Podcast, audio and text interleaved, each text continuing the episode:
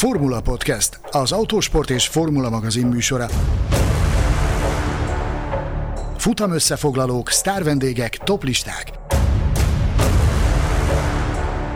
Minden, ami F1 és autósport. A Formula Podcast virtuális stúdiójában Gellér Figergő. A Vodafone, a Ferrari és a McLaren egykori partnere immár a Formula Podcastet támogatja a Vodafone Podcast Pioneers program keretében. Nagy szeretettel köszöntelek titeket a Formula Podcast negyedik évadának második, azaz összességében a 210. adásában. Engem Gellér Figergőnek hívnak, és olyan dolgokról fogunk ma beszélgetni, mint például a BOP, a dupla pontos szezonzáró, vagy éppen a Fanboost. Azaz talán kitalálhattátok a téma az lesz, hogy hogyan próbálják mesterségesen izgalmassá tenni a különböző versenyszériákat. Ebben pedig a két beszélgető partnerem, a szerkesztésségünk Tomi Jainak egy jelentős hányada lesz. Egyrészt itt van velünk Balog Tomi, a Formula Motocast házigazdája. Szia! Hello, sziasztok! Másrészt pedig rally specialistánk, aki az elmúlt hónapokban immár a Formula.hu főszerkesztő pozícióját is betölti, Gobodis Tomi. Szia! Sziasztok! No, hát azt hiszem, hogy meg kellene röviden indokolnunk, hogy miért pont erről a dologról, és miért pont ebben a körben beszélgetünk. Ugye ez egy olyan adás, amit ebben a hármas felállásban elég régóta tervezünk, hogy megcsinálunk, mert hogy azt hiszem ez egy olyan terület, ahol az álláspontjaink legalábbis némileg eltérőek. Mivel kapcsolatban? Ugye azzal kapcsolatban, hogy mennyire szabad, ha egyáltalán szabad, mindenféle a fölvezetőben említett ilyen nyalánkságokkal, mint a fanboost, meg az attack mód, meg a tudja Isten micsoda, majd kibeszéljük a különböző módszereket, mennyire szabad a sportértéket föláldozni a show, az izgalmak kedvéért azt hiszem a legkevésbé megengedő álláspont az, az, az Gobodics kollega a tied. Igen, részemről rövidre is zárhatjuk a műsort annyival, hogy semennyire nem szabad, és akkor el is köszönhetünk. Köszönjük, hogy itt voltatok, olvassátok a formula.hu Na ugye mi talán, ö, talán a Balog Tomival kicsit megengedőbbek vagyunk, ö, bár ugye szegény Tominak erre minden oka meg is van, hiszen ö, ugye a túraautózásra specializálódott úgy szóval a szerkesztőségen belül, illetve egy jó ideje Formula E-nek is te vagy a, hogy mondjam, a, a szakértője a szerkesztőségben, és hát azt hiszem nincs olyan terület, amire jellemzőbb lenne az e fajta esélykiegyenlítés és egyéb, egyéb érdekes dolgok, mint a túrautózás és a Formula E. Nem tudom, ezzel egyet tudsz-e érteni? Igen, meg hát ö, talán úgy lehet a leginkább megfogalmazni, hogy ezek vannak leginkább a kirakatban ilyen szempontból, és e- ezek jutnak el a leginkább a, a nézőkhöz, akár magyar szinten nyilván a túrautózás az eléggé frontvonalban volt, és ugye a Formula E az meg egy viszonylag új sorozatként pláne kirakatba került ilyen tekintetben. És egyébként én sem vagyok annyira megengedő, csak szerintem máshol húzódnak nálunk a frontvonalak, mint Govodics Romival, tehát hogy máshol van az a határmesdje, amit átlépni már nem lenne szabad szerintem. Jó, na hát akkor ugye úgy épül fel ez az adás, hogy megnézzünk néhány szériát, hogy hol, hol mit alkalmaznak. Mondjuk így tényleg, én így tudnám megfogalmazni a mesterséges izgalomkeltés céljából és, és azért azt előre megmondom, hogy fogunk olyan smiről is beszélgetni, ami, ami számunkra elfogadható, talán még olyat is találunk, ami Gobod és Tominak is valamelyest, valamelyest elfogadható. Én szerintem mindenképp a Formula ettől kell elindulni, mert nem hiszem, hogy lenne sorozat, ami legalábbis komoly nak nevezett, ugye mégiscsak egy FIA világbajnokságról beszélünk, gondoljunk akár, mint a Formula erről. Szóval komolynak tartott nevezett sorozat, nincs még egy, ahol ennyire nagy szerepet kapnak az ilyen show elemek és hasonlók. Hogy tudnánk összefoglalni, mi mindent csinálnak ezek az áldott emberek a Formula E-ben, vagy csináltak múlt időben, mert hogy az elmúlt években talán még több, még több ilyen szörnyűség volt. Mondjuk ott a fanboost elsőre a vicc kedvéért hadd kérdezzek meg Kovodics kollega, hogy mit gondolsz a fanboostról? Szakmai hozzáadott értéke vitathatatlan, és természetesen az a versenyző az a versenyző kapja ezt a plusz segítséget, aki legjobban megérdemli a teljesítménye alapján, úgyhogy én rendkívül nagy támogatója vagyok ennek a dolognak. Hát, hogy szerintem, hogyha az őszinte véleményét mondta volna most Gobodis ami akkor egy pont ugyanolyan hosszú sípszó lett volna, mint a, a Hamilton féle bejátszás 2021 Abu Dhabiban, csak itt indokoltunk. Igen. No jó, hogy is van volt ez a fanboost, Balog úr? Na hát ugye a leges legjobb dolog, ami történik idén a Formula E-vel, hogy nem lesz már fanboost. Ez 9 szezon, pontosabban 8 szezonnak kellett eltelni, hogy ezt végre kiírtsák a Formula E-ből. Ugye az volt a lényeg, hogy lehetett szavazni a rajongóknak, versenyzőkre, akik plusz energiát kaphattak a futam során egy meghatározott viszonylag rövid ideig. Már eleve két ponton problémás ez az egész. A, a legnagyobb probléma a, a, a fanbusztal természetesen az, hogy beleszóltak a nézők vagy a rajongók az egész versenynek az alakulásába, ami teljesen abszurd egy sporteseménytől szerintem.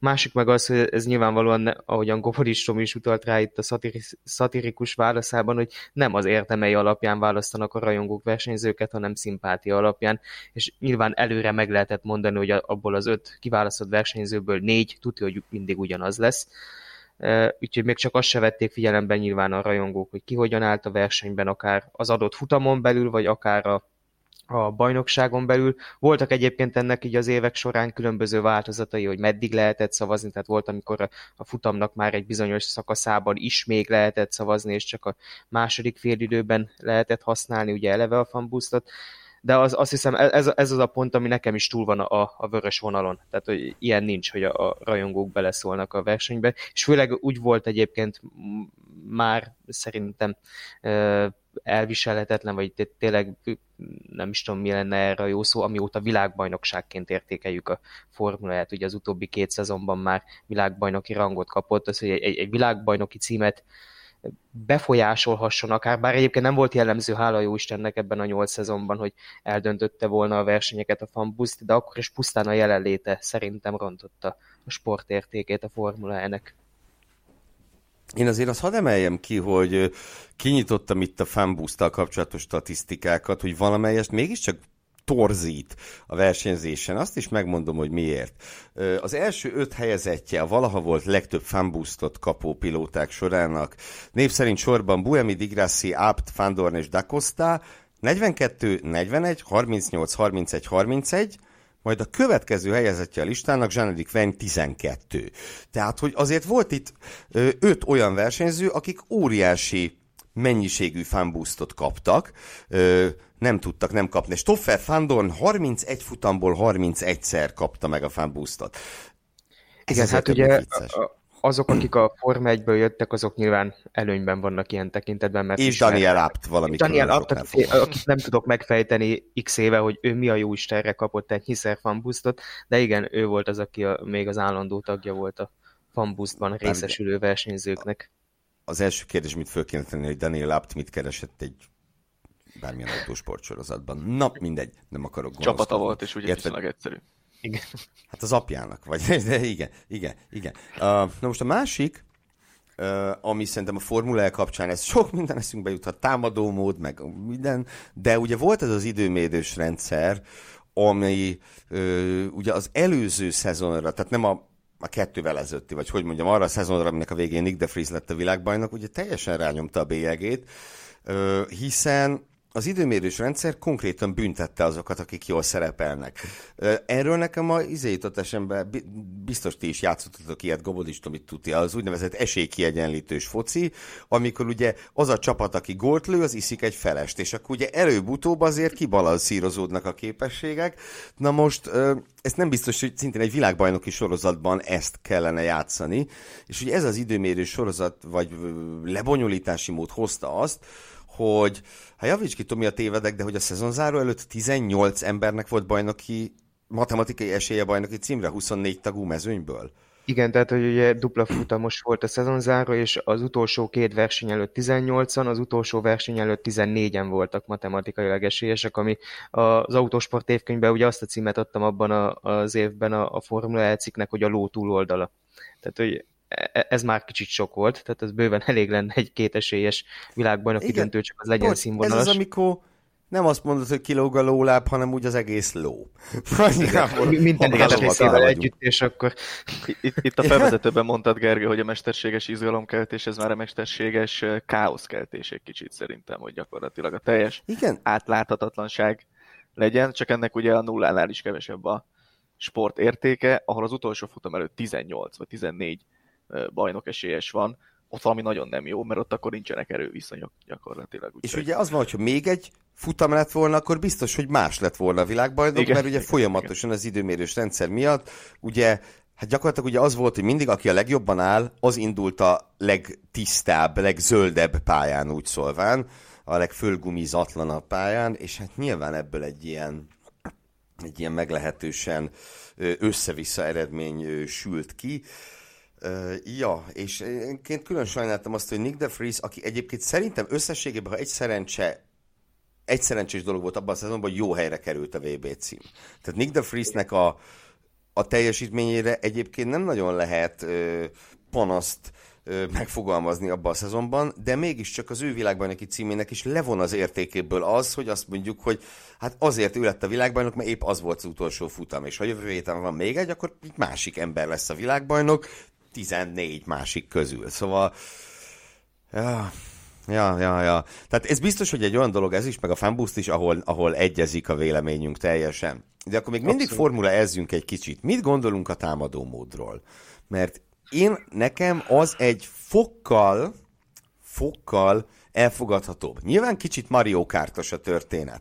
Ugye, ugye mondjuk el, miről van szó azok kedvéért, akik el nem ítélhető módon nem néznek formula elfutamokat. Támadó módnak ugye az a lényege, hogy ez kvázi egy ilyen taktikai elem, hogy itt nincs kerékcsere, nincs tankolás, hát utóbbi elég bizarr lenne, de hogy mégiscsak legyen valami stratégiai elem a formula ebben, az van, hogy kapsz extra teljesítményt futamonként kétszer, meghatározott ideig, de hogy ezt megszerez, ahhoz le kell hajtanod az ideális ívről, gyakorlatilag el kell rontanod egy kanyart voltak éppen, és akkor kapod meg a plusz teljesítményt. Hát hogy mondjam? Tehát, hogy tehát egyrészt szerintem ez, ez tényleg egy videójátékba való, és nem egy világbajnokságba, de annyiból egy fokkal elfogadhatóbb számomra, hogy itt legalább az esélyegyenlőség nem sérül. Tehát, Igen, hogy ez, ez, ez, ez legalább egy taktikai elem, gyakorlatilag nem, nem arról van szó, hogy teljesen érthetetlen módon szurkolók szavazzák meg, hogy te kapsz atakmódot, vagy nem. Csak, hogy mondjam, annak megint mi köze van az autóversenyzéshez, hogy direkt roncs el egy kanyart, és rosszul fordulj be ahhoz, hogy te utána előnyt szerezzél. Tehát, hogy nekem, meg ma mi beszélünk ilyenekről, amik ilyen, akár védhetők is lennének olyan, olyan ö, ilyen okosságok vagy megoldások, de hogy nincs közük az autósporthoz. Ez tényleg csak és kizárólag a, a cirkusz és a mesterséges káosz, vagy hangulat, vagy izgalom keltés, szerintem. Nekem egyébként ez már a piros vonalon innen van, pont azért, mert ez egy taktikai elem. Tehát ne, nem, nem nagyon különbözik ez az mód, vagy támadó mód, nevezzük akár, hogy attól, mint hogy valaki kiáll a boxba és felvesz friss gumit ha, ha nagyon leegyszerűsítjük a dolgot, nem nagyon különbözik tőle a kettőt, vagy a kettő egymástól. Abban egyetértek, és ezt Pabli Tomi motokasztos kollégám szokta mindig azt mondani, hogy annyira Mario Kartos az egész formula főleg így ezzel a támadó móddal, hogy már csak azt várja, hogy mikor dobják ki a hátuk mögé a banánhéjat. De ma, ne adj ötleteket! Ne adj ötleteket! maga a megvalósítás kicsit idétlenül néz ki, azt, azt aláírom, de maga az elképzelés, hogy legyen egy ilyen időszak, amikor föl lehet venni plusz energiát, az szerintem nem hülyeség, csak tényleg kicsit fel ilyen kell venni. Lenni. Fel kell venni, ja, igen, ez is fontos, ugye, hogy ugye volt ebből probléma, hogy valaki nem tudta fölvenni a versenyvégi safety car miatt, és aztán megbüntették, ami megint a, igen. a haját tépés. Ez olyan, mint a Rally Crossban egy Joker kör gyakorlatilag, hogy azt is köteles vagy De így van. De az hosszabb. Ig- ig- Na, igen, Na, de ugye ez, ha már ugye túrautózás, ugye a VTCR-ben is volt a Via Reali pályán Joker körén, nekem ezek beleférnek a, a taktikai jelenbe, pont addig, amit Gergő is mondott, és ez szerintem még 86-szor el lesz mondva ebben az adásban, hogy ott, ott van nálam a vörös vonal, hogy egyelők az esélyek, vagy nem. És itt a, a támadó módnál szerintem egyelők az esélyek. És ugye idén lesz majd egy újítás ennek kapcsán, amit néhány versenyen fognak kipróbálni, ami most már végképp ilyen boxkiállásos irányba fog elmenni az egész, hogy a boxban fogják felvenni ezt a plusz energiát, félperces boxkiállások lesznek, és ezt, ezt néhány futamon fogják kísérleti jelleggel majd megnézni, hogy ez hogyan működik, és az már tényleg olyan lesz, mint hogyha kapnál gyakorlatilag akár üzemanyagot, akár friss gumit. Ugyanolyan lesz, mint az a, a támadó mód, csak most ezt nem is tudom, hogy fog. Hát az angol neve Attack Charge, hát ezt majd nem tudom, hogyan fogjuk átültetni a magyarba. Bognár Viktor egykori kollégánk mondta, miután elolvasta ezt a szabályt, az új szabályt, azt mondta, hát ő tudja, hogy ezt hogy fogja hívni, boxkiállásnak. ha látnátok, látnátok Gobodics főszerkesztő, hogy fogja a fejét. Csak nekem az jutott eszembe most, hogy Tudjátok, van ez a mondás, hogyha valami úgy megy, mint egy kacsa, és úgy hápog, mint egy kacsa, és úgy néz ki, mint egy kacsa, akkor az egy kacsa. Tehát, hogy kiállok a boxba, és ott állok, és ettől gyorsabb lesz az autóm, hogy akkor mi az úristennél nem cserélnek kereket. De most tényleg. Hát igen. Tehát kopó, nem gumi, el. friss gumi. Parancsolsz?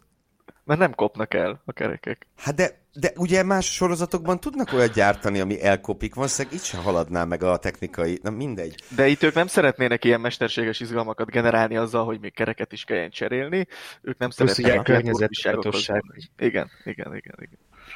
Szörnyű. Hát ez fantasztikus. Jó, jó, én azt gondolom, hogy a, bár ez a támadó mód, mondom, én is el tudom fogadni a létezését, de ez olyan mókás helyzeteket szült, meg nem mondom ki meg melyik versenyen, de volt, hogy, hogy véletlen elrontotta a kanyart, és ezért pont átment a támadó módzónán, és fölvette, pedig nem akarta, őt simán csak elrontotta azt a kanyart. Meg, olyan meg rengetegszer volt, hogy valaki nem tudta felvenni, mert nem, nem, nem ment jól le ott. Ugye két nem rontotta el eléggé. Igen, ugye két érintési pont van a bemeneti, meg a kimeneti részen is érinteni kell. Még mielőtt tovább megyünk a Formula erről, az új időmérő rendszerről mi a véleményetek erről a kieséses rendszerről? Mert ne, nekem ez már, ez, ez billeg, tehát ez pont rá van helyezve a vörös vonalra. Ugye az a, az a a lényeg a jelenlegi időmérő rendszernek, hogy még mindig két csoportra vannak bontva, de most már legalább nem úgy, hogy a, a bajnokságban előállók mennek először, hanem felváltva, tehát az első az első csoportban, a második a másikban, a harmadik az első, stb. És ugye onnantól kezdve a, a 4-4 legjobb, az pedig ilyen kieséses rendszerben egy-egy kört megy egymás ellen. Ez az autósporttól egy kicsit szokatlan, kvalifikációs rendszer. Ugye a végén egy, kicsit, egy döntő. Nem döntő, nagyon, kicsit. Hát jó, jó, finoman fogalmazok, mondom, hogy nekem, én megengedőbb vagyok a Formula elvel. Összességében nekem, mondom, ez billeg. Tehát ez pont az a, az, az eset, ami, hogy ez nem annyira durva, mint ami volt tényleg a két évvel ezelőtti időmérős rendszer, ezzel, viszont kicsit idegen ez, az autósporttól. Ezzel egyetértek, tehát az nincs sehol leírva, hogy egy időmérőnek hogy kell kinéznie, hogy kell, hogy legyen Q1, Q2, Q3, vagy hát tehát 20 éve ezt elmondják valakinek, hogy Q1, Q2, Q3, azt néz, mint halaszhatyorban, hogy micsoda, micsoda hülyeség ez. Tehát ez nekem teljesen belefér, már csak azért is, mert ugye legalább nem az a káosz alakul ki, mint tavaly előtt, ami tényleg minden szempontból védhetetlen volt. Meg még a támadó mód kapcsán akartam egy dologra kitérni. Kicsit f is, aztán majd elkanyarodunk másfele. Hogy ugye a támadó mód legközelebbi, nem az, de legközelebbi párhuzama tulajdonképpen a DRS, ugye az, hogy bizonyos pillanatokban valami oknál fogva azért meg közel vagy valakihez, vagy azért mert lecsúszol a kanyarívről, de kapsz némi plusz ö, sebességet. Ö, mit szólunk is? Most elsősorban Gobodist, ami téged kérdezlek, hogy mert ugye te vagy itt a, a sportérték védőszentje, hogy a DRS-ről te mit gondolsz, mint olyan? Most már ugye velünk van két éve, ha jól szábolom. Hát az inkább egy műszaki vagy technikai megoldás, mint egy elhibázott kanyarvétel, az nekem kicsit azért más kategória. Mondom nekem itt maga a... Értem, hogy mondatok, hogy ez már a, az, az atakmód, az mondjuk emiatt a vonalon belül van, de hogy, de hogy nekem az az egészen a problémám igazából, hogy az, az teljesen idegen az autósporttal az, hogy te rosszul fordulj az, azért, hogy, hogy valami előnyt kap. És ugye a DRS-nél igazából nem erről van szó, hanem ott neked jobban kell tenned a dolgodat, mint az előtted levőnek, hogy meg tud közelíteni, és mivel amúgy nem nagyon férsz el a másik mellett, vagy kevés helyen tudsz előzni, ehhez adnak segítséget, hogyha te azt kiharcolod. De ugye az nincs leírva sehol, hogy neked kötelező mondjuk DRS-t használod, mint ugye a, az attack módnál például ez le van írva. Szóval nem, nem, nem ugyanaz szerintem a, szerintem a kettő. Viszont a DRS-nél meg ugye az előhaladónak tehát nem, nem egyformák az esélyek. Ugye a védekezés a támadónak a, a szempontjából. Ugye a, a védekező fél az nem nyithatja a DRS-et, a hátuljövő mindenképpen előnyben lesz ilyen tekintetben, de ez nyilván nagyon hosszú, de erre egy külön adást lehetne szentelni, csak a DRS-nek a dolgaira, meg hát ugye nem is tudom, beszéltetek itt Gergő valamelyik adásban itt a, a legújabb baromságról, mert nem Az anti-DRS. Az már konkrétan büntetné a, a, az éppen aktuálisan vezetőt. Tehát az nálam már nagyon nem fér bele. De ez ugyanígy nem fog beleférni majd, ahogyan elő fog kerülni a, a mi az súlykiegyenlítés, stb. Tehát igen, akkor igen. konkrétan Mindjárt. valakit a jó teljesítménye miatt büntetünk, az abszolút nem fér bele. Hát mindjárt oda jutunk. Na most a, még annyit azért ad mondjak itt a DRS kapcsán. Nyilván ezt nem én találtam ki, tehát hogy ezt elég sokan felvetették már az elmúlt tizen évben, és én magam abszolút ezt tartom a legjobb megoldásnak, hogy valami olyan módon működjön, mint ahogy a, az indikárban az előzési mód, hogy mondjuk az van, hogy itt a futam 305 km, te ez alatt 20-szor kinyithatod a DRS-ed. Ahol és amikor akarod. De 20 alkalommal nem többször, fékre lépve lecsapódik, aztán, hogy te ezt a hátsó egyenesbe használod a célegyenesbe, előzéshez, támadáshoz, akármihez, védekezéshez, te dolgod. Én valahogy ezt tartanám egy elfogadható ö, iránynak, meg ez szerintem marha jól működik Amerikában ez a módszer, ott ugye ez a push to pass van, hogy adott másodpercig kapod a, az előzés segítő produkciót. De még nem kérdeztek meg erről. Na jó, szóba hoztad te itt a, a büntetősúlyukat, úgyhogy térjünk rá a, a BOP-re és barátaira, vagy ugye BOP magyarosan, Balance of Performance, teljesítmény kiegyenlítés, és vannak ennek. Ugye különböző megnevezései vannak, de lényegében azért alapvetően nagyon-nagyon hasonló dologról van szó minden esetben, és hát ugye ahogy már utaltál rá, Tomi, itt a Magyarországon a túrautózás hát így népszerű, mondjuk így, és, és ugye ott a szakágnak egy ilyen teljesen megszokott jellemzője az, hogy betontéglákat pakolunk a gyors autókba. A kérdés már csak az, hogy miért jó ez? Kovodics kollega? Semmi. köszönöm. Nem jó. Köszönöm a lehetőséget. Nem, jó. nem tehát én, én, én azt gondolnám egyébként az egész uh, teljesítmény kiegyenlítésről, ami azért kicsit más egyébként, mint így a, a, az előbb említett szándékos káoszkeltés, de hogy az nem lehet jó megoldás szerintem, hogyha a konstruktőröknek a versenyét gyakorlatilag ezzel lelövöd. Mert ugye miért fejlesztene valaki, vagy miért törekedne arra valaki, hogy, hogy egyre jobb legyen, hogyha ezért utána büntetést kap. Méghozzá olyan büntetést, ami nem az, hogy majd erről később beszélünk, hogy a Forma 1-ben most milyen büntetések vannak, lesznek, stb de hogy, de hogy konkrétan visszatekerik a motort, vagy tesznek be büntető súlyt gyakorlatilag azért, hogy te lassabb legyél. Akkor miért csinálsz jó autót szezon elején, vagy a téli szünetben, vagy miért fejlesztesz szezon közben, hogyha keresztül húzzák. És ez nem is azt jelenti, hogy, tehát, hogy nem tudsz rá reagálni igazából a fejlesztéseiddel, vagy bármivel, mert, mert lehet, hogy úgy alakítottad ki az autódat, hogy neked mondjuk a büntetősúly esetleg többet is árt mondjuk, mint a másik autónak, vagy valami, és simán lehet, hogy két futam múlva egyébként megint, megint teljesen más helyzetben leszel. Hogy ennek Nézd. így megint mi a sportértéke? Nézd, én nagyon nem szeretem, tényleg nagyon nem szeretem a BOP-t, mm, és lesz majd olyan dolog, amit szeretek, de ezt nem szeretem. Viszont ugye, ha ez keretek közé van szorítva, mint a szép emlékű VTCC-ben, amikor még a Citroen, meg a Honda, meg a Lada, mm, olyan értelemben működött, ugye, hogy a Citroenben nem lehetett annyi büntető súlyt pakolni, hogy ne ők legyenek a legtöbb pályán fölényesen a leggyorsabbak. Tehát, hogy volt egy korlátozás, hogy nem lassítjuk őket a végtelenségig, és a végén már tényleg a betonkeverőt is belerakom, hanem, hanem ugye korlátok közé van szorítva. De akkor is unfair, ebbe igazad van. Tehát szeretni én se szeretem. Na de majd a Tomi megvédi. Igen, na, tehát kezdjük a KH-tól, hogyha induljunk onnan, hogy ugye nem mossuk össze a kettőt, mert így a, a magyarban, meg ugye a magyar köztudatban is összemosódik a BOP meg a, a, a büntetősúly rendszer, mert a kettő, ha most csak a VTCR-nél maradunk, az nem ugyanaz, ugye. A Balance of Performance... De VTCR a... már nincs. Jó, jaj, fájdítod a szívemet. A, a, megboldogult VTCR-ben, tehát az a kettő az ugye nem ugyanaz. A Balance of Performance az a, a az például a VTCC-ben így önmagában nem is volt. Ott ugye csak a, a büntetősúly rendszer volt, a VTCR-ben jött meg a, meg a BOP. Ugye a BOP-nak az a lényege, hogy a különböző modellek közötti különbségeket kiegyenlítse, és abban abszolút igaza van Gobodis Tominak, hogy ez a, a gyártói versenyt kiüti de pont az olyan sorozatokban szokták alapvetően ezt használni, vagy nem is sorozatokat mondok, inkább géposztályokat vagy kategóriákat, ahol alapvetően nem is cél a, a konstruktőrök és a gyártók közötti verseny. Ugye alapvetően a TCR, most a, arról fogok alapvetően beszélni, de ez a, a GT versenyzésben a legismertebb egyébként alapvetően a BOP, de a TCR-ben is ugye az... örömmel. De, na, tehát, a, tehát ugye Lömanban is van hasonló. De volt is abból botrány nem olyan rég, amikor... A, Majd kitérünk a, rá. Jó, jó, oké, okay, ezt nem akarom elvenni a, a kenyeredet.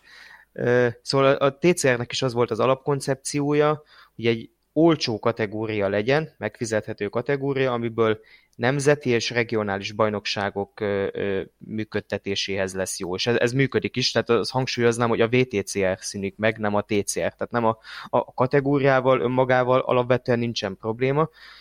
És magyarán, tehát ez a BOP ez arra szolgál, hogyha például van egy viszonylag nyílt szabály, szabályrendszer, ami nem korlátoz le téged akár a motor méretét vagy ilyesmiket tekintve, akkor a különböző konstrukciókat valamilyen szinten kiegyensúlyozza, és nálam addig a pontig ez belefér, hogyha ez tényleg megpróbálják objektíven mérni, nem szezon közben, hanem szezon elején, Ugye a TCR is így, így mennek ki az első éveknek, hogy rendeztek egy külön tesztet a különböző modelleknek, meg ugye szélcsatornában mérték a különböző adataikat, meg a, a tesztpadon is, és akkor megpróbáltak a, a motor teljesítménnyel, hasmagassággal, stb.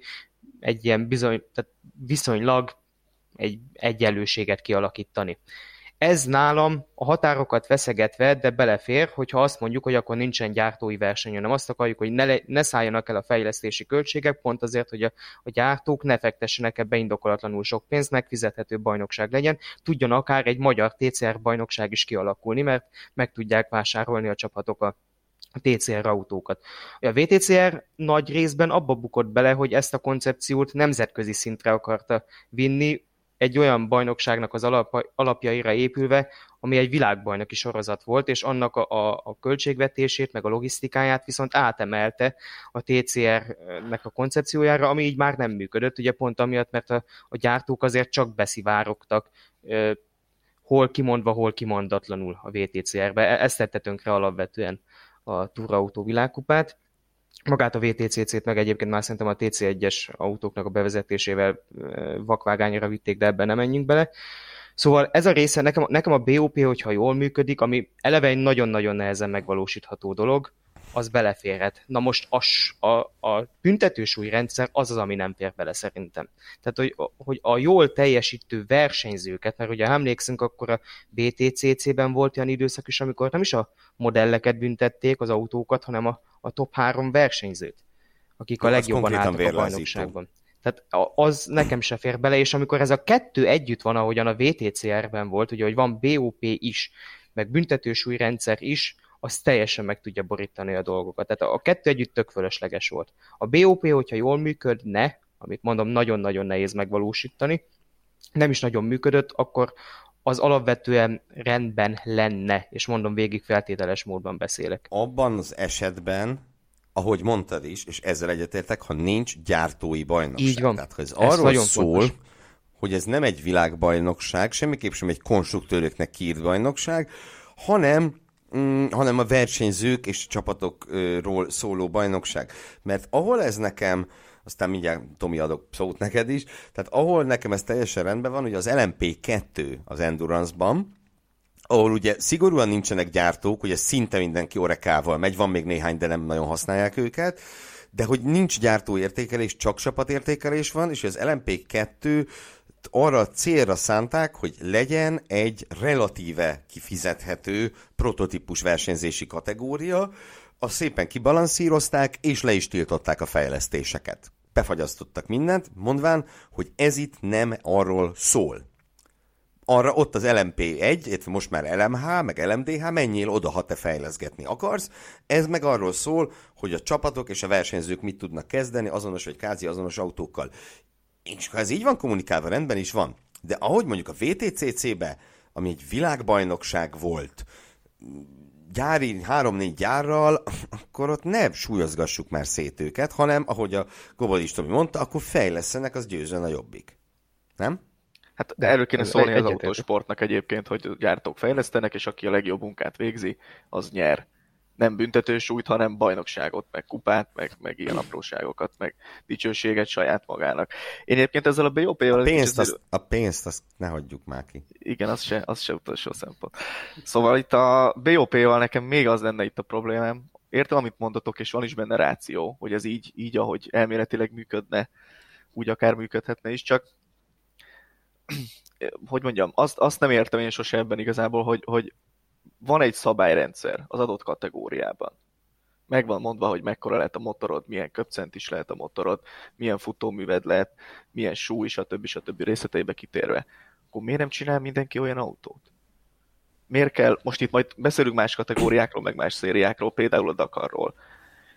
Miért kell a benzines elektromossal hasonlóra hozni? És ha ez nem sikerül, akkor miért kell ugye utólag mégis belenyúlni? Ez meg már egy másik kérdés. Mondjuk de hogy, csak de el, hogy... mert hogy mi történt két mondatban, hogy ezt föl akartam hozni, ami a Dakaron most történt, ugye, hogy megy az elektromos Audi a belső égési motorral rendelkező riválisokkal szemben, és egyszer csak a Dakar közepén azt mondják, hiszem négy nap után, vagy öt nap után, hogy hát egy kicsit ezt az elektromos Audit följebb kell, lehetne tekerni, mert Nasser alattia már nagyon vezet. Ja, Konkrét, óriási kif- igen, tehát ugye itt is adott a baj, hogy eredetileg volt egy BOP, amivel meghatározták, hogy milyen, milyen erős lehet ez a két autó egymáshoz képest. Itt nagyon sok pénzt és időt és munkát öltek abba, hogy ez jól legyen kibalanszírozva. Majd négy nap után úgy döntöttek, hogy ez még sincs jól kibalanszírozva. De ez, ez, ez az eset, ez nekem összemossa azt a kettőt, amiről összességében beszélünk. Az egyik a, a mesterséges káoszkeltés vagy izgalomkeltés, és a mesterséges technológiai erőkiegyenlítés. Az első volt az, hogy, hogy ugye ki akarták egyenlíteni a két konstrukció közötti különbségeket, amit nem tudsz kiegyenlíteni, mert az egyik könnyebb, a másik erősebb, tehát hogy ez nem így működik. Majd, amikor az derült ki, hogy Sainznak megállt az autója, meg defekt kapott, meg nem tudom, mi történt, a Peter Hansel meg lassú volt és messze volt, hát akkor adjunk az Audinak plusz energiát. Mert akkor hát, ha szorosabb lesz a verseny. Tehát, hogy ez, ez óriási öngól, nem mondom, hogy örültem annak, hogy utána mindkét Audi összetörte magát, mert ilyennek azért örülni nem lehet, de valahol némi elégtétel volt, hogy, hogy a Nasser most ennyivel vezet, aztán még simán lehet, hogy alatta is megáll a Toyota, és nem fogja megnyerni, de, de mondjuk Audi már nem fog nyerni, az elég valószínű. Hát ez így van, ez így van. Ugye most a BOP kapcsán, hogy kicsit áttérhetünk a, az endurance-ra. Ö, ugye nem egyszer volt ebből balhé az elmúlt 6-8 évben Le is, meg egyáltalán az Endurance világbajnokságban is. Ugye a, az egyik kategória most kivezetett LMGTE Pro kategória, ugye a GT autók közül a úgymond a gyári GT autók kategóriája, az amatőrben is vannak gyári autók, de ez nem kevésbé jellemző. Szóval ott ugye szeretjük, vagy nem, de volt ilyen. Mert hogy a GT-ben ez egy teljes, ahogy a túrautózásban is, ez egy teljesen bevett, bevett dolog. De hogy azért ennek ellenére, hogy nyilván aki, aki GT autókkal versenyzik, az tudomásul veszi, hogy van Bob, mert, mert ez van. No de, azért ezt is sikerült nagyon gyönyörűen megoldani, amikor 2016-ban a Le Mans előtt konkrétan egy nappal a Ford meg a Ferrari kapott kedvezményt, és ott egy elég összetett rendszer volt akkoriban, tehát súlyba is, turbóba is, mindenbe bele lehetett piszkálgatni, BOP címszó alatt, a Ford meg a Ferrari kapott egy kis plusz teljesítményt, majd hopp az időmérő 4-5 másodpercet vertek mindenki másra, Aston Martinra, Porsche-ra, mert kiderült ugye az úgynevezett sandbagging, a homokzsákozás, ahogy szépen magyarul mondhatjuk, esete állt fönt, Azaz, hogy szándékosan lassan mentek, és aztán az időmérőn hopp, 4,8-at meg 4,3-at pakoltak oda a főbb riválisoknak, Mm, és akkor az időmérő után még gyorsan kaptak pár kiló büntetősúly, de hát nyilván így is rommá vertek mindenkit a Fordok meg a ferrari és csak egymással játszották le a, mm, a győzelemért vívott harcot. És, és ez ebből szép kis ügy volt. Hát az Aston Martin vezérigazgatója, nem tudom, emlékeztek, mert tweetelt verseny közben, hogy a vezérigazgató hogy teljesen föl van háborodva az egészen, mert ez micsoda. Úgyhogy egészen odáig úgy tűnt, hogy az Aston Martin a fő esélyes, csak aztán történt, ami történt. És ez nyilván marhára nincs rendben, és most attól tartok, hogy megint lehet probléma, ugyanis a hyperkároknál az új kategóriában egyfajta ilyen automatikus BOP lesz, tehát szépen megírt rendszer, hogy miért mit kapsz. És azt mondja, hogy az év első módosítását a Le Mans rajtja előtti napon fogják véghez vinni. Magyarul megy a szezon, majd először, elrajta a 24 órás, előtte jó, belepiszkálunk, és hogy mondjam, én sem mondom azt, hogy minden ördögtől való, és Goboris Tomi biztos nem fog velem egyetérteni, de nem is baj. Az elmúlt két szezonban ugyebár az volt, hogy voltak az LMH autók, Toyota Glickenhaus, később jött a Peugeot, és volt az egyszem Alpin, ami ugye egyáltalán nem volt Alpin csak nevében, Ugye az Alpin hiperautója, ami sem nem hiperautó nem volt, sem nem Alpin nem volt, ez a, a Rebellion Racing régi LMP1-es autója, amit lehetett még használni ö, az átmeneti időszakban. És én azt el tudtam fogadni, mivel itt két teljesen különböző technikáról van szó, egy újról meg egy régiről, és időkorlátba volt szorít, vagy meddig lehet még a régit használni, hogy ott volt valamiféle kiegyenlítés. Bár tegyük hozzá, hogy nagyon túltolták, hiszen az Alpin majdnem világbajnok lett konkrétan a Toyota csilliárd dollárba kerülő hyperkárja előtt, ugye ha nem rontja el a Lömant az Alpin, akkor ők a világbajnokok. Tehát, De hogy lettek volna, az... utolsó futam előtt hoztak volna szabályt és egy új BOP-t, hogy a Toyota megnyerje, majd azt, azt, azt, azt, azt nem lehetett volna kibírni. Nekem ez a bajom, bocsa, közbe vágtam megint, de hogy miért kell két teljesen eltérő konstrukciót egy kategóriába BOP-zni? Hát akkor az egyik az menjen itt, a másik meg menjen a régi LMP egy néven valahogy. Vagy ha azzal már nem lehet menni, mert nem tudjuk megoldani, akkor nem kell vele menni. Van ilyen kategória, meg ilyen kategória, abba kell nevezni, és abba való autót kell gyártani. Ha ez nem sikerül, akkor ott az ajtó azon kell kimenni. Én nem tudok erre Ugye, Ennek egy problémája lett volna, Gergő is gondolom ezt akarja mondani, hogy akkor nem lett volna autó a Hypercar kategóriában. És most itt ugye egy, egyre több autó volt így. Hát, így meg jó, meg ugye a Óriási szezonunk volt hogy... egyébként tényleg, tehát most így. így.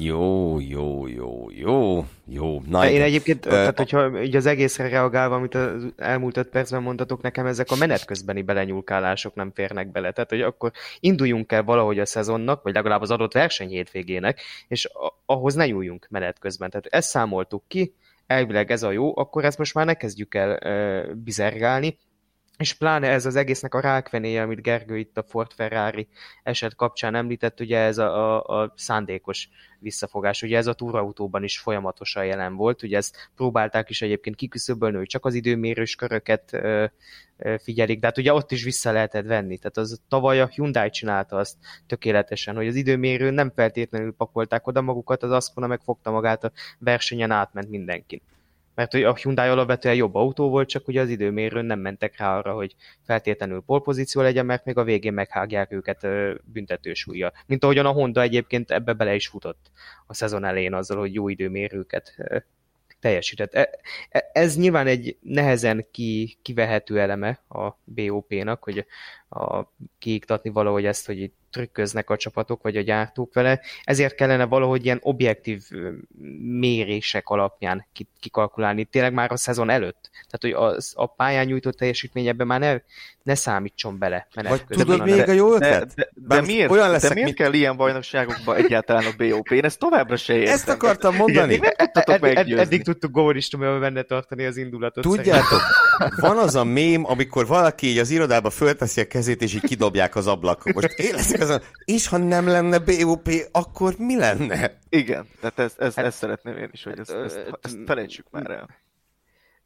Most de olyannyira példa, a, a, nem, mondjad, tudom, Tomi, nem emlékszem már, hogy a, a Hyundai az a 2017 végé jött talán, tehát a, a a, pont az utolsó olyan hétvégén, ami még nem volt VTCR, hanem ugye TCR International valaminek hívták, az adott szezon utolsó versenyén bemutatkozott a Hyundai, és olyan szinten alázta meg a mezőnyt, mivel ők még ott nem kaptak BOP-t, meg ilyesmit, hogy az kegyetlen volt. Tehát a, az meg azért nem lett volna jó, mert akkor a, a, kivonul a Honda, vagy hát pontosabban a Jasz Motorsport, kivonul az Audi, mert így akkor mi a jó Istennek csinálunk bármit, hogyha a Hyundai agyonver minket. De hát és akkor csináljatok meg... jobb autót, barátaim. De ugye, de, a, ugye a kategóriának az a lényege, hogy ne, köly, ne köljön, na tessék, nem is én vagyok a, ne, nem is én vagyok a szegedi, hogy ne kelljen költeni annyit a, a fejlesztésekre. És ugye e, a Hyundai volt az első, aki igazán magasra emelte a lécet ilyen tekintetben, és aztán jött a Lincoln Q, ami meg aztán végképp, az, az nem is tudom, hogy lehetett nem gyári csapatnak felfogni, amikor ugye évekig nem is ment máshol autójuk, csak a VTCR-ben. Szóval tehát nagyon nehéz ezt így kimozogni, hogy tényleg értem a te szempontjaidat is, Tomi, hogy a, akkor csináljanak jó autót, csak ha az a cél, hogy egy megfizethető bajnokság legyen, akkor nem engedhetik, hogy elszálljanak a költségek. Na, mondjad, mondjad, én, még a végén kirúgsz. Én csak egy példát szeretnék mondani. A rally szakákban az R5-ös vagy Rally 2-es autókat továbbra is gyártók csinálják, nem privát csapatok. Ott meg van mondva, hogy mennyibe kerülhet egy autó euróban, ez mondjuk Magyarországon most annyira nem jó hír, de lényegtelen, és annyiba is kerül és nagyon-nagyon-nagyon-nagyon szigorú szabályok szerint lehet fejleszteni. Ezt úgy higgyétek el, hogy a négy évvel ezelőtti autókkal még mindig lehet nyerni, akárhol, akármit gyakorlatilag, mert jó, egy picit jobb a futómű, egy picit nyomatékosabb a motorja, kitaláltak hozzá egy új lengőkart, vagy kitaláltak hozzá egy hosszabb váltót, vagy valami, de ott meg van mondva, hogy gyerekek, ennyi a keret, ebből kell autót csinálni, és és uh, gyakorlatilag nem, nem, nem, nem kell hozzá semmiféle extra fejlesztés, és főleg nem kell BOP ahhoz, hogy ebből, ebből versenyzést lehessen csinálni. Közel egyformák az autók, hogyha Sebastian Ogier beül bármelyikbe, akkor azzal úgy is nyerne, tök mindegy, hogy az az öt évvel ezelőtt is Skoda, vagy a, vagy a jövő évi, nem tudom micsoda. És hogy én csak ezt nem értem itt a BOP-val kapcsolatban, vagy a VTCR-rel kapcsolatban, hogy és akkor ilyet miért nem lehetett csinálni? Hogy a szabályok legyenek olyanok, hogy az, az megkösse úgy a, hát akkor nem gyártókat, jó, akkor a Link Co. és társait, hogy, hogy, hogy ebbe bele kell férni, és ide kell autót csinálni. De ez lehetett volna egy megoldás, abszolút. Ezzel egyetértek. Ez is lehetett volna egy megoldás. Közös nevezőre jutottunk, szó... ne csináld.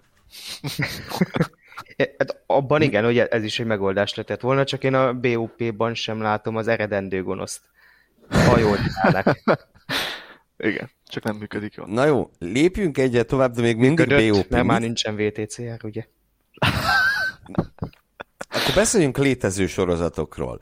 Például Például az Endurance világbajnokságról, amely ugye egy nagyon izgalmas új szakaszhoz érkezett idén, LMP1-es autó már nincsen, de Tomit így is föl fogjuk háborítani.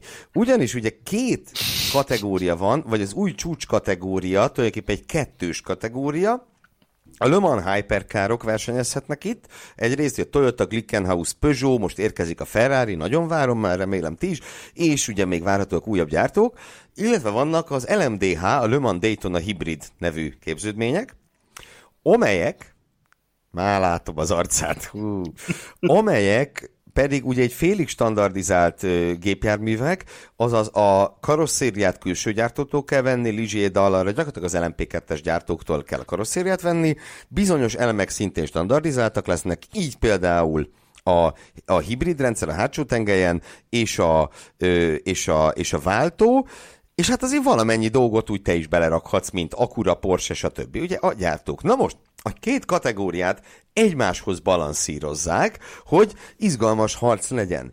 És ez viszont számomra is elfogadhatatlan mindenek előtt azért, mert a Toyota, meg a Ferrari, meg a többiek a világ összes pénzét beleölik a teljesen saját autóikba. Ezek a, a Porsche, Acura nyilván minél több gyártó, annál jobb, de ugye ők vesznek ö, karosszériát, kapnak hibridet, kapnak ö, gearboxot, és gyakorlatilag a motor teszik bele, és őket összebalanszírozzák, méghozzá most a terv az, hogy nem kategórián belül, hanem a kategóriákat egymáshoz.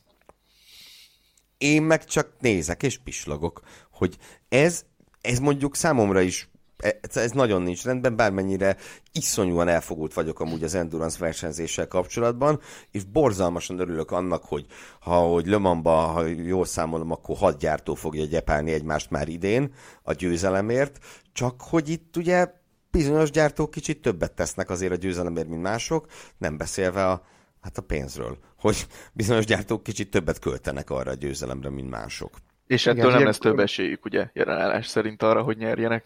Ez olyan, mintha a legrosszabb autót vennénk, amit a lehető legolcsóbban össze lehet eh, vásárolni, és szólunk a többieknek, hogy akkor ehhez lerontunk titeket is gyakorlatilag, és akkor tessék hajrá. Tehát ez...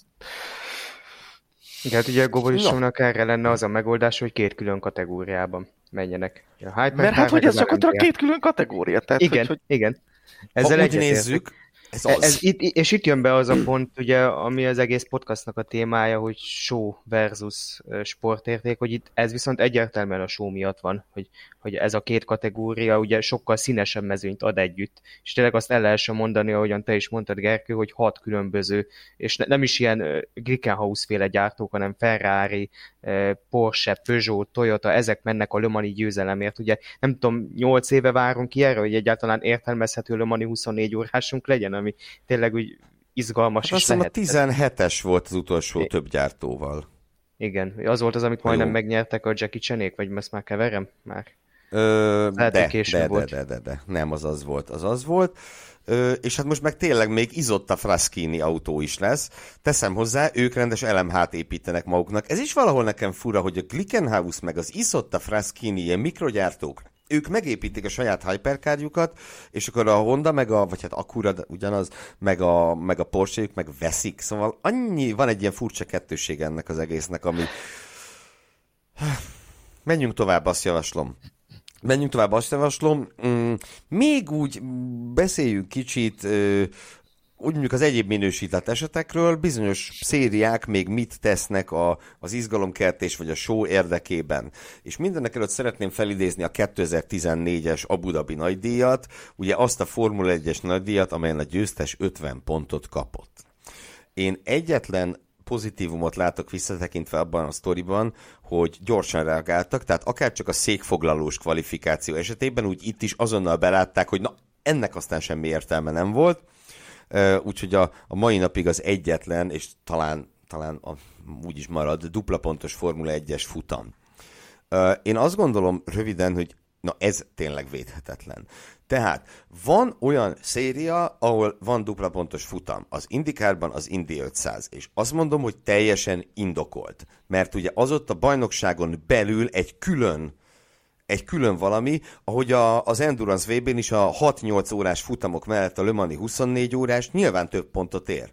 Mert az egy Vagy a Magyar Rally bajnokságban az 1,2-es szorzó, nem Gergő? Azt szerettük idén is. Akarsz beszélni róla? Nem. Köszönjük. Uh, igen, de, de ugye az, hogy azt mondom, hogy, és nyilván ezt is csinálta sokáig az Indikár, aztán erről már leszoktak szerencsére, hogy a szezonzáró az fixen dupla pontos, mert miért? Tehát miért, miért dupla pontos a szezonzáró? Mi indokolja ezt? Nyilván tudjuk, mi indokolja ezt, ugye, hogy minél tovább nyitva maradhasson a bajnokság. De hát ugye a Mercedes érában, vagy a 2022-es Verstappen rémuralomban aztán lehetett volna tripla pontos is az a szezonzáró, akkor se történt volna semmi. Tehát, hogy ez szerintem annyira látványosan egy célt szolgál, mm, megint csak azt mondom, az egész ló kilóg, aminek a sportértékhez semmi köze, vagy csináljuk azt, mint a NASCAR, ami nekem nagyon fura, de ott nekem ugye ez a hagyomány, hogy bajnoki döntő van. Tehát ugye a kijelölt bajnok esélyesek közül, aki az utolsó futamot megnyeri, az a bajnok. Nem azt mondom, hogy ez jó, de ott ez egy tradíció. Nekem nagyon fura, meg szerintem nem így kéne lennie mert érted, a olasz bajnokságban se az van, hogy a Milán az első, a Napoli a második, akkor játszunk egy döntőt a végén, tehát hogy ez egy másik műfaj, ami, ami így néz ki. Azt az olasz kupának de hívják. Van, kupának hívják, igen. De, de a NASCAR-nak ugye ez egy hagyománya, az F1-ben meg teljesen karakteridegen módon egyszer csak ezt megpróbálták belerőltetni, és nem tudom, azt megfigyeltétek el, hogy most megpróbálták ezt kicsit úgy, úgy sundábundán fű alatt valamennyire visszahozni. Igen, Egy tudom, mire gondolsz. Há, hogyne, a sprinteknek az elosztására. Hát igen, igen kicsit aránytalanul sikerült összerakni ezt a, a naptárat a sprintek szempontjából. Pedig egyébként még a pályaválasztások annyira nem is vészesek, mondjuk Katart nem egészen értem, hogy így félig ismeretlenül miért kellett bedobni. Ha már Jaj, egyéb... Post, Katarra kapcsolatban annyi mindent nem értettünk az elmúlt időszakban, hogy egyet, egyet És igazából meg mégis olyan egyszerű a válasz ezekre, nem? Tehát, hogy nagyon Igen. nem kell gondolkodni azért. Persze, persze, persze. De tényleg ugye itt arról van szó, hogy hat sprintet rendeznek, amit ugye ha matematikailag akarnánk elosztani, akkor azt mondanánk, hogy négy futamonként egy. Mert ugye 24 futamos a szezon, 6 sprint, négy futamonként egy. Ehhez képest az utolsó hat nagy díjból három sprintes hétvége lesz. Elég aránytalan, és ugye ez gyakorlatilag azt eredményez, hogy nem annyira látványosan, mint egy dupla pontos szezonzáró, de mégiscsak a szezon végében nagyobb pontmennyiség szerezhető meg. Tulajdonképpen ugye 6 futam alatt 7 futam győzelemnyi pontot tudsz begyűjteni. Most plusz-minusz egy. De hát gyakorlatilag erről van szó. És és ezért nem tudom nem látni ebben a szándékoltságot, de gondolom ti sem. Tehát, hogy hogy Silverstone-ban miért nincs sprint, Barcelonában, Monzában, meg ilyen helyeken, miért, miért Katarban van és Austinban? Vajon?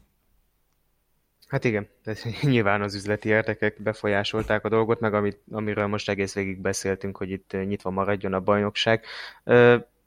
Barcelonában egyébként nem vinnék sprintet, tehát ott a... Jó, én se, oda semmit nem vinnék, jó, rossz példa volt. De tudod, mi, mi tarthatna meg nyitva a bajnokságot? Egy jó kis BOP. De talán... Na, na, na. Talán ugorjunk. Ö, nem tudom, ti mennyi NASCAR-t néztek? Random ugrás. Ö, őszinte választ fogok adni. Nem. Nem igazán. A, tavaly egyet láttam a pont az Austini NASCAR-ból egy részletet, mert az a pont a, a Jiddai Forma egy után volt, és azt együtt néztük Ferenci Péter motokasztos kollégámmal, és hát a, a, semmi köze ahhoz, amiről most beszélgetünk, de teljesen kiakasztott, hogy tehát a pályahatárok, ezek ilyen tájékoztató jelleggel vannak NASCAR-ban, hogy Sac per kb. Mint arra megy, a, a, a féle útmutatás. Igen, tehát borzalmas. Én, én, nekem maga a NASCAR kicsit túl van azon a sokat emlegetett vörös vonalon. Úgyhogy... Jajajaj! Jajajaj! Most nem akarunk hallgatókat elveszíteni, kedves NASCAR rajongók, maradjatok velünk továbbra is, köszönjük.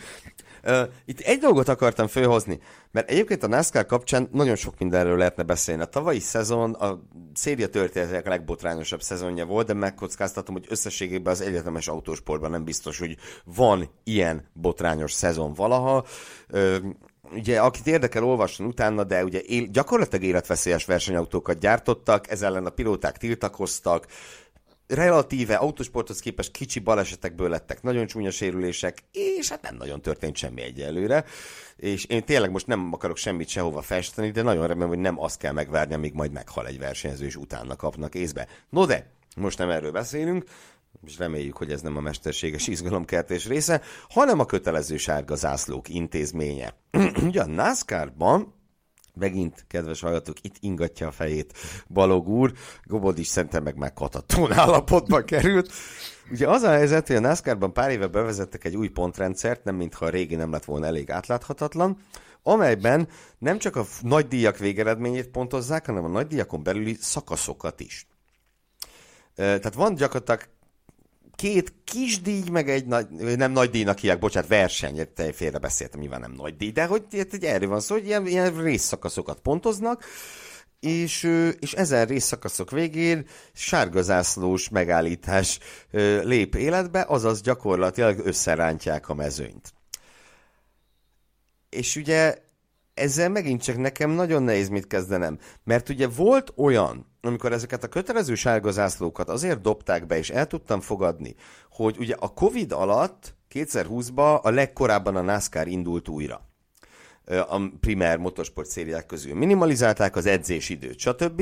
És azt mondták, hogy mivel a legtöbb pályán gyakorlatilag az autót először a gördülő rajtnál próbálják ki, akkor legyenek ilyen kis etapok, hogy tíz körönként kerékcsere. Izé, azt mondom, hogy egy rendkívüli helyzetre való rendkívüli reakció, vagy jó, vagy nem, lépjünk túl rajta.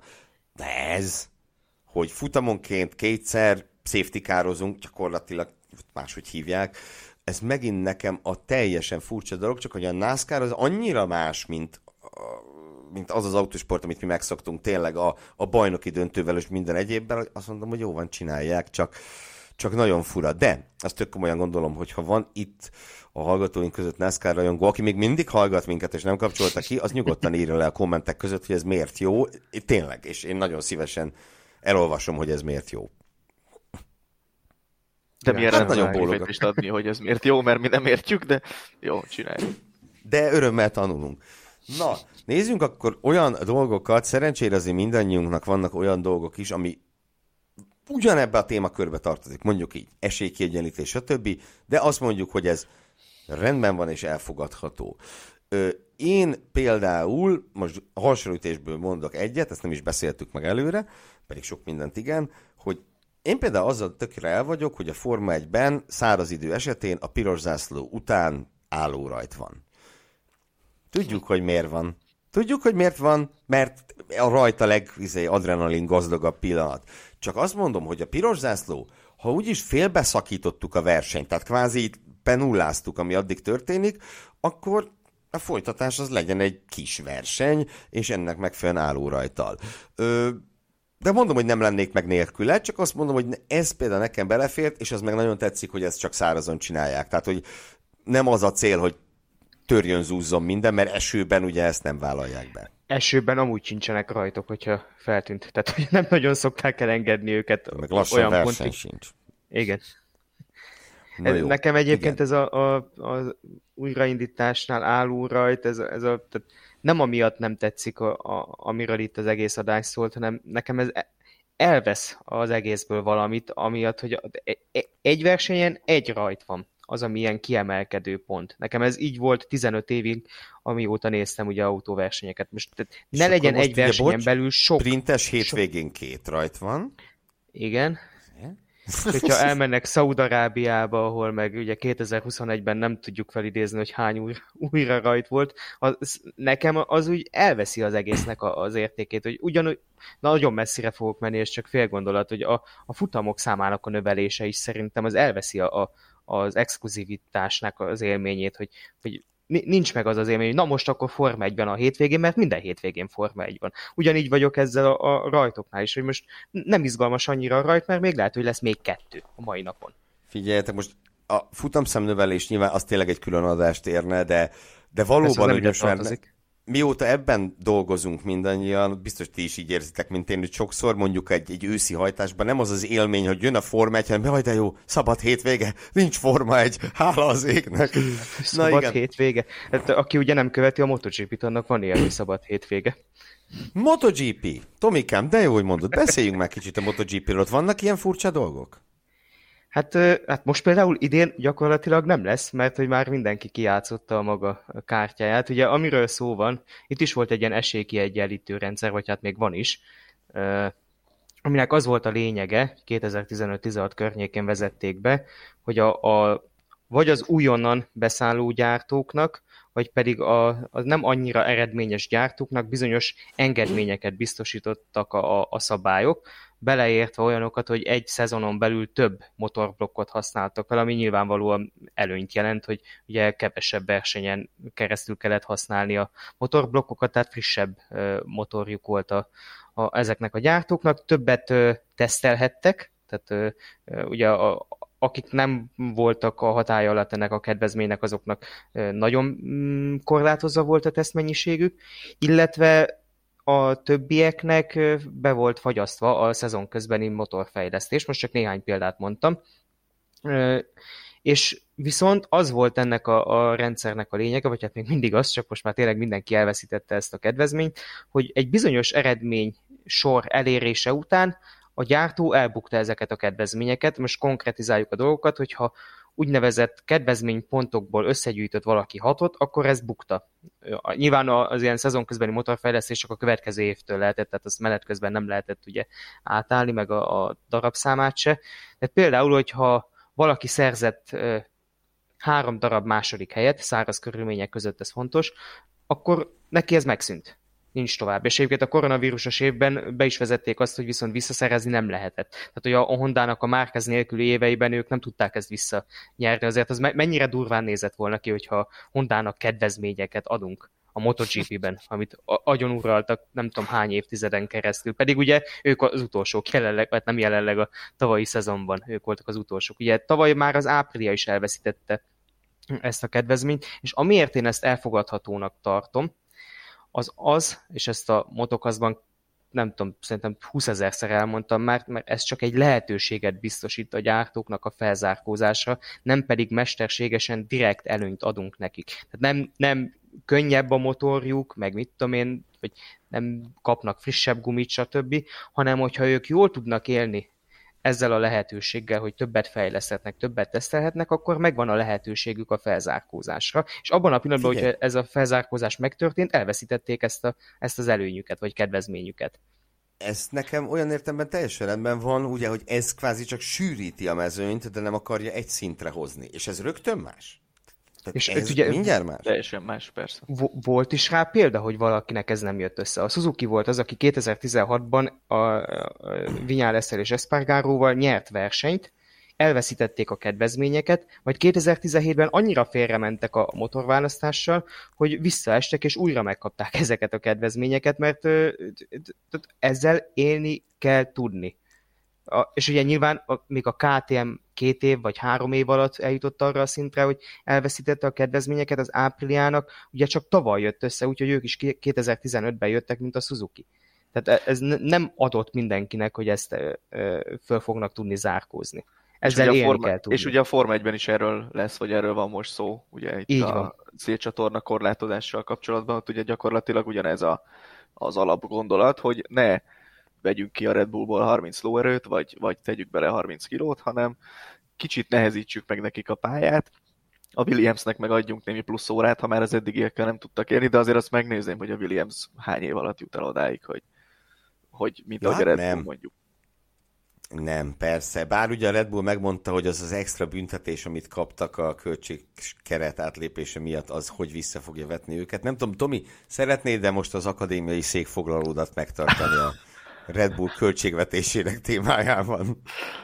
Nagyon sokat tudnék erről beszélni, de annyi időnk, annyi időnk szerintem. Nincs, meg egyébként is leírtam már a weboldalon, első dühömben, úgyhogy, úgyhogy el lehet olvasni.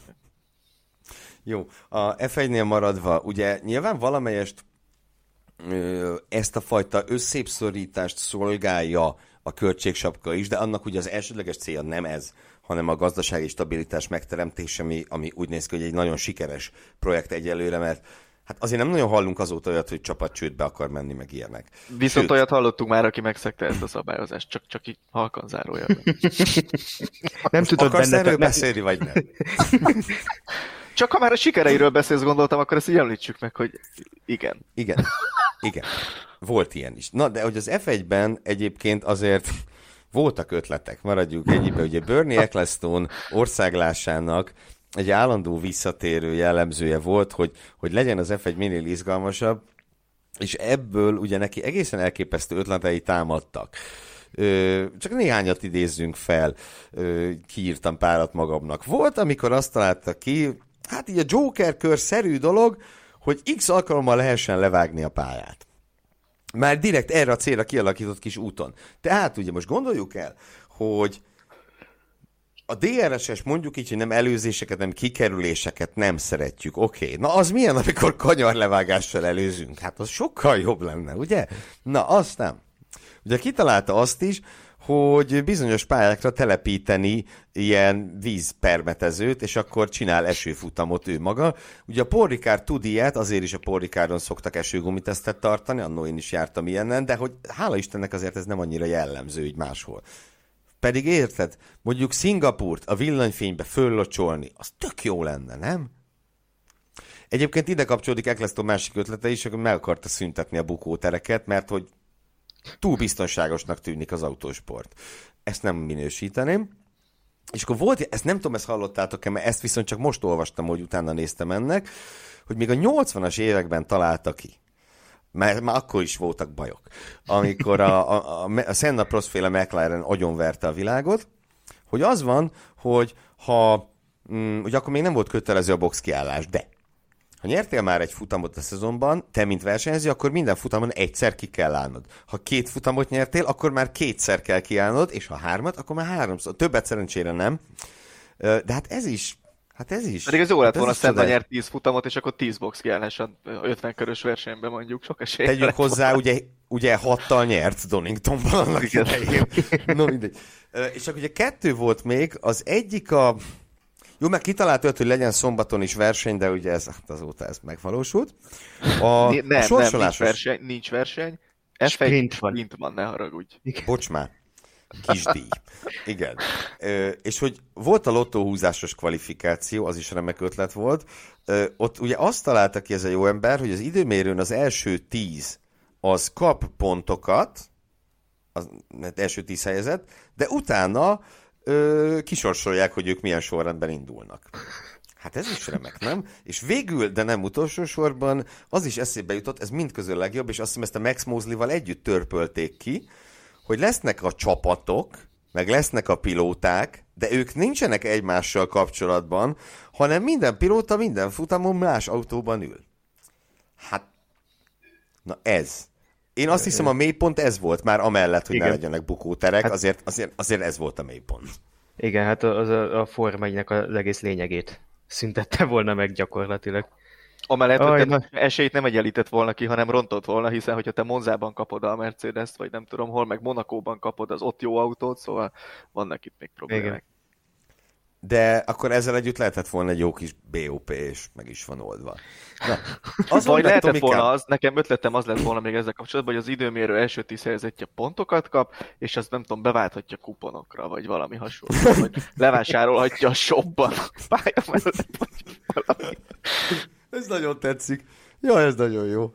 Nagyon jó, főleg azért, mert ő, hát közelről ismernek, tudják rólam, hogy van ez egyik ilyen bevásárló láncolat, kék, sárga és négy betű, és nem tudja a magyar kimondani, sejtétek melyik az, és ott imádom, amikor kuponokat kapok, az a kedvencem, és az a baj, hogy minden baromságot megveszek, mert van rá kuponom. Na de, térjünk vissza. Tomi, már hogy Gobodics úr, te már mindent leszapultál, izé, igazad van, nem, de sok mindenben igazad van. Mi a helyzet a ralliban? Mondjuk a VRC-ben. Van-e büntetősúly? Nincs, hál' Istennek. Képzeljétek el, hogy nincs. Van még olyan bajnokság, ahol nem bohóckodnak. De hogy egyébként ez sem volt mindig így. Tehát, hogy azért a VRC-ben, amikor kitalálták, amikor rájöttek arra, hogy az előrajtoló egyébként hátrányban van, aki először rajtol, ő, rosszabb pályán megy, mert ugye koszosabb neki az út. De egyébként ez sincs mindig így, mert ez csak murvás futamon van így alapesetben, csak száraz futamon van így, mondjuk aszfalton már fordítva van, mert aki elől megy, az jár jobban. De ezt ők kitalálták úgy, hogy akkor a, a bajnokság sorrendje alapján rajtolnak ugye az első napon, a háromnapos futamon, és onnantól a következő két napon a futam sorrendje alapján. Csak ezt nem gondolták át, hogy ugye a versenyzők és a csapatok sem feltétlenül hülyék, és ebből lett az, hogy mondjuk ilyen Petter Solbergék, meg hasonló, hasonló kedves fiatalemberek a napvégi cél előtt satufék is megálltak, és a navigátor számolt, hogy még hány másodpercet kell állni a cél előtt, hogy úgy menjenek be a célba, hogy csak mondjuk egy másodperccel legyenek az előttük levő pilóta mögött az összetetben, és akkor így egyébként a legjobb helyen rajtoljanak. Ezt sikerült megfordítani, utána rájöttek, hogy ezt úgy kellene megoldani, hogy kategóriánként megfordítják őket, és akkor aki elől van az rajtól leghátulról, és akkor ez így ugye jó, mert ő megy a legtisztább pályán, és így akkor nem büntetjük azt, aki jól versenyez, hanem, hanem ugye jutalmazzuk, de itt is volt egy megbicsaklás, még a Volkswagen éra utolsó uh, szezonjában, amikor már mindenki... Valami unta... dereng. Volt igen, valami ügy. Igen, de ott volt egy ügy, mert mindenki unta, hogy Ozsié és a Volkswagen ugye nyer, mert hát ők csináltak a legjobb autót, és Ozsié volt a legjobb, tehát ez ugye tűrhetetlen autósportos történet, és úgy döntöttek, hogy ez így túl jó, és ezért a második napon is a bajnokság sorrendje alapján indultak. Ami azt eredményezte bizonyos futamokon, hogy Ozsié ilyen hetedik tudott lenni nagyjából, mert ugye két napig takarított a többiek előtt. Uh, és itt, de hál' Istennek elég gyorsan rájöttek, hogy ez nem tartható. Ozsié a visszavonulással fenyegette meg a, a VRC-t, és nem mellesleg összeveszett az egyik versenyzőtársával, aki ilyen beugró pilótaként ott néhány futamig rendszeresen elgyepálta. És azóta ismét viszonylag épeszű keretek között történik ez a dolog. De ez azért érdekes egyébként, nem mondjuk az Európa bajnokságon, ott nincs ilyen, hogy a bajnokság első helyezettje indul az érről az első napon, ott kvalifikációt tartanak, és annak a sorrendjében rajt helyet választhatsz. Ha te futottad a legjobb időt, akkor te... Igen. És a kvalifikáció milyen sorrendben mész? Hát igen, ugye. Más kérdés, hogy a kvalifikáció mehetsz három kört, tehát ott a harmadik körre már mindenkinek tiszta a hmm. pálya hmm. lehetőségekhez képest. De szóval az lehet, lehet még ezt csavarni, meg másképp mókolni, viszont pont az Európa-bajnokságon volt szintén egy ilyen rallis mellélövés, amikor kitalálták a napi pontokat. Ez hasonlít egy kicsit a NASCAR-féle sárgazászlós megszakításhoz, ahol ugye minden napért, uh-huh. és ez egyébként a Magyar Bajnokságban is volt egy időben, minden napért külön pontszámok jártak, ami csak azt a célt szolgálta, hogy aki első nap kiesett, az másnap visszaálljon a napi pontokért, és legyen mezőny, mert akkoriban nem volt túl népszerű az Európa-bajnokság. Úgyhogy azért vannak itt csavarok a, a rally terén is, de jelen pillanatban egészen jól, jól működik, senki nem kalimpál azért, hogy mondjuk a tök utolsó Fordnak legyen plusz 50 lóereje, pedig most a hibrid erőforrásokkal ezt egész könnyű lenne kivitelezni. És fölteszem a világ legnaivabb kérdését, akkor gondolom nem örülnél, ha a Fordnak lenne plusz 50 lóereje. Most erre mit mondjak, mit vársz? Na jó. Mérsékelten lennék elégedett. Tökéletes válasz. Na, próbáljunk valahogy összegezni. Ugye beszéltünk itt elég sokféle szériáról, a, a primer és Magyarországon népszerű sorozatok túlnyomó része szóba került. Mondjuk az Indikár nem, mert ott így most most így nem nagyon tudok mit mondani hirtelen, nem, nem nagyon tudok belekötni, de ha valaki bele tud, majd írja meg a kommentek között, biztos ott is lenne mit kaparg- kapirgászni. Szóval összességében mit gondolunk, hát, o, o, hogy Bocsánat, a... ugye, a, ami ugye Form 1 is fölmerült a Monzai eset után, hogy, hogy tavaly az Indianapolis 500 az úgy ért véget, ugye, hogy a, a utolsó két körre újraindították őket, vagy hát le, leállították a versenyt, mert volt valami baleset, és hogy mindenképpen ö, versenytempóban érjen véget szokás. a futam. Igen, de hogy igen, hogy így szokás, de ez például nekem a Form 1 nem tetszene, hogyha ez bevett szokás lenne. Tehát, hogyha egyszer úgy jön ki a lépés, hogy akkor safety car mögött ér véget a verseny, akkor úgy ért véget a verseny, kész. Kivéve, amikor... Hát, Kivéve, amikor Michael Masi a versenyig. Na, na, na.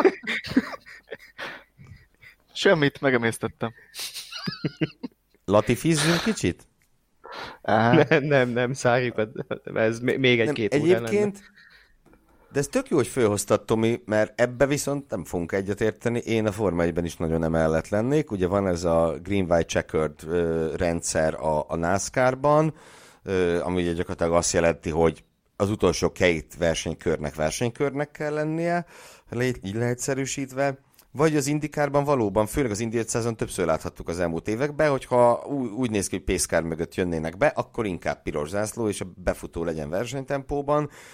Én ezt nagyon szívesen látnám az F1-ben, de mert például akkor elkerülhettük volna azt, ami tavaly Abu Dhabiban történt, tavaly előtt most már, bocsánat, 21-ben, Uh, ahol egyébként így visszatekintve, utólag persze mindenki marha okos, utólag én is az vagyok, de valószínűleg a piros zászló lett volna a legjobb megoldás uh, abban a helyzetben, és akkor Hát de ott is akkor... befuthattak volna a safety car mögött gyakorlatilag, és akkor be, úgy, betartva, úgy a szabályokat, betartva a szabályokat de, nincs probléma. De jó, én csak azt mondom, hogy a legjobb megoldás. Jó, ennél minden jobb lett volna. Tehát abba kiegyeztünk ennél a megoldásnál, csak inkább a, a, a Salamoni döntés, vagy nem tudom, tehát egy világbajnokság ne jön a safety car mögött, azt szerintem az nem baj, csak ne így, hanem na, csak De hogy én, én azért jelenbe, hogy ez egy VB döntő futam? Tehát, hogy akkor már megkülönböztetted, hogyha... Mert emberek ez már, ez már a show-nak a mesterséges így van, vétele, így van. Hogy, hogy itt VB döntőről van szó. Egy oldalra helyezkedtünk a Tomiul az adás végére, és Gergő lett a túloldalon. Ez, ez,